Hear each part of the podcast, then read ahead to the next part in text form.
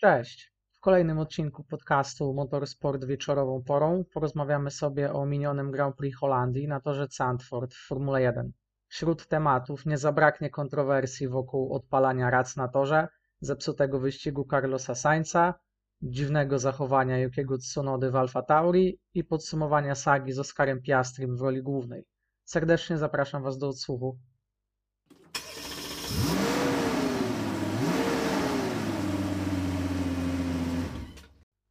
Jak już tego słuchasz, chciałbym Cię serdecznie poprosić o obserwację i ocenę podcastu na Spotify oraz subskrypcję i polubienie na YouTube. Zajmie Ci to mniej więcej tyle czasu, ile trwa ten przerywnik. Bardzo Ci dziękuję, lecimy dalej.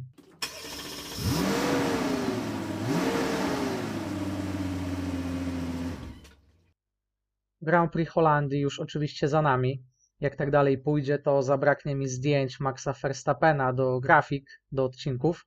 No ale cóż, fakty są takie, że Holender wygrywa swój dziesiąty wyścig w tym sezonie i 30 w karierze.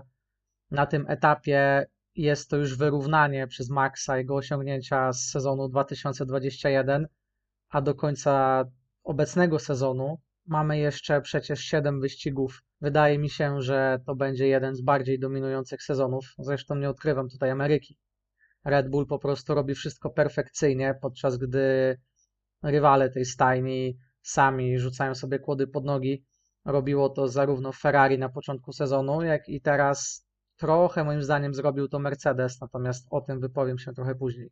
Teraz chciałbym się skupić na samym Maxie, który na starcie wykonał swoją robotę, ruszył bardzo dobrze i obronił swoją pozycję. Jak wiemy na Sandford bardzo trudno jest wyprzedzać. No i Max wyglądało na to, że będzie jechał niezagrożony do mety. Charles Leclerc co prawda na początku starał się trzymać blisko kierowcy Red Bulla, ale później kilka kółek i ta przewaga znacząco wzrosła. Wydawało się, że będzie już bardzo, bardzo nudno, no ale później y, okazało się, że Mercedes być może błyśnie interesującą strategią, zakładając opony twarde i próbując przejechać wyścig na jeden pit stop. Okazało się po pit stopie chociażby Fernando Alonso, że te opony twarde sprawują się dużo lepiej niż wydawało się, że będą się sprawowały. No i Mercedes zaczął być takim dosyć realnym zagrożeniem dla Maxa Verstappena, który musiał pojechać na dwa pit stopy. A w tym całym miksie był jednak oczywiście Charles Leclerc, który jechał bezpośrednio za Maxem, no i przy jakiejś neutralizacji korzystnej akurat dla Ferrari mógłby powalczyć. No i neutralizacja była. Tylko, że bardzo niekorzystna właśnie dla Monakijczyka, i średnio korzystna dla Mercedesa, ponieważ niweczyła ona jakieś koncepcje i szachy strategiczne tej ekipy. Neutralizację w zasadzie mieliśmy dwie, natomiast pierwsza była wirtualna i została wywołana przez Yukiego Tsunodę. No tutaj już bardzo dużo teorii pojawiło się w internecie od razu po tym wydarzeniu. Wiele osób oczywiście pamięta słynny Crashgate z udziałem Renault, Wówczas oczywiście w składzie Fernando Alonso i Nelsinho Piquet. Był to 2009 rok Grand Prix Singapuru.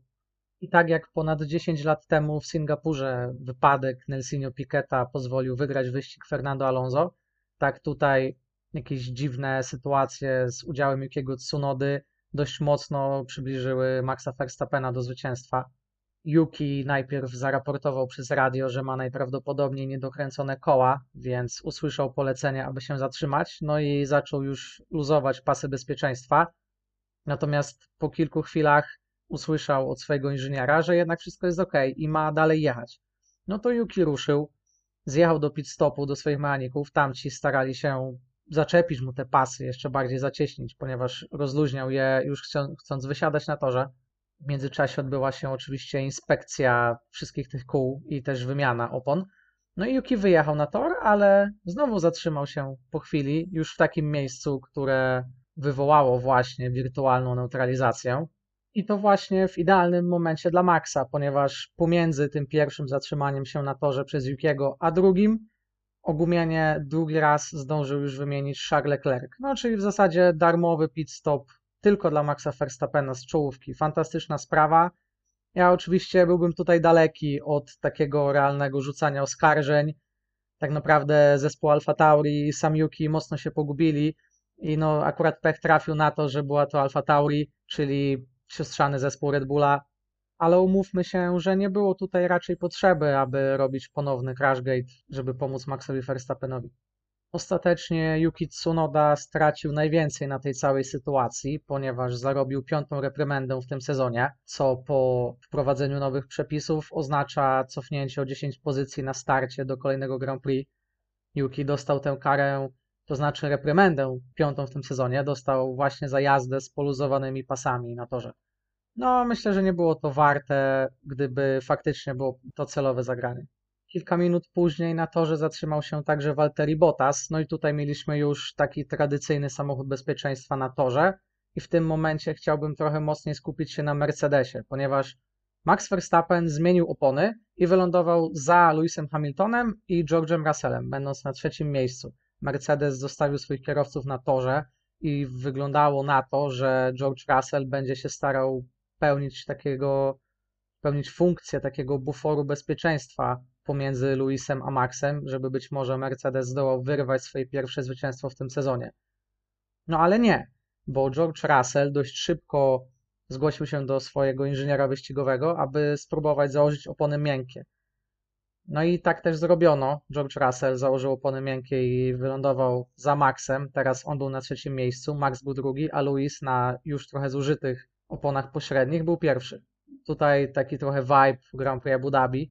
No ale co? Mercedes y, moim zdaniem tutaj troszkę pokpił sprawę, chociaż i tak jeszcze dołożył tutaj oliwy do ognia Lewis Hamilton, który z tego co przeczytałem wybrał złe ustawienia swojej jednostki elektrycznej na kierownicy, przez co manewr wyprzedzania Luisa właśnie w wykonaniu Maxa wyglądał dziecinnie prosto zaraz po restarcie. No i tak naprawdę Mercedes stracił swoją szansę tutaj na wyrwanie zwycięstwa Maxowi. Ciężko tutaj powiedzieć, jak to wyglądało wewnętrznie w zespole. No moim zdaniem, jeżeli to rzeczywiście był call samego George'a, to George zagrał trochę bardzo pod siebie z miękkimi oponami, zostawiając Luisa na pastwę losu. No jest to ciekawe zdarzenie. Jestem ciekaw, jak to zostanie rozwiązane wewnątrz zespołu, jak tutaj się panowie dogadają. Też nie uważam, żeby to był jakiś celowy wybryk George'a, aby zakopać wyścig dla Louisa Hamiltona. Natomiast no, nie był to aż taki gracz zespołowy George Russell, jakiego znaliśmy na przykład z Williamsa, kiedy mówił do swojego inżyniera, że poświęćcie mój wyścig, jeżeli to będzie się liczyło bardziej dla Nicolasa Latifiego. Przechodzimy teraz na szybko do obozów Ferrari, gdzie tym razem maszyna losująca zdecydowała o tym, aby zepsuć wyścig Carlosowi Sainzowi. Nie chcę już naprawdę za dużo mówić, więc po prostu z kronikarskiego obowiązku najpierw bardzo długi pit stop, ponad 12 sekund postoju Carlosa Sainza u swoich mechaników. Zapomnieli po prostu donieść lewe tylne koło, dodatkowo zostawiony pistolet do przykręcania kół na drodze wyjazdowej. Przyjechał po tym pistolecie Sergio Perez. Jakiś absolutny koszmar. Carlos Sainz nie istniał już w tym wyścigu po swoim pit stopie. Zresztą ciężko się dziwić, tutaj nie za bardzo jest jak odrabiać, a jeżeli już odrabiasz straty czasowe, no to i tak musisz się przebijać przez stawkę na obiekcie, gdzie jest de facto tylko jedno sensowne miejsce do wyprzedzania. Charlesowi Leclercowi tym razem nie zepsuto doszczętnie wyścigu. Ogromny sukces Scuderii z Maranello. Nic więcej tutaj nie dodam. Mam nadzieję, że na Moncy trochę się poprawią i nie będzie aż takiej tragedii. Jeżeli mają gdzieś wygrać, to tam.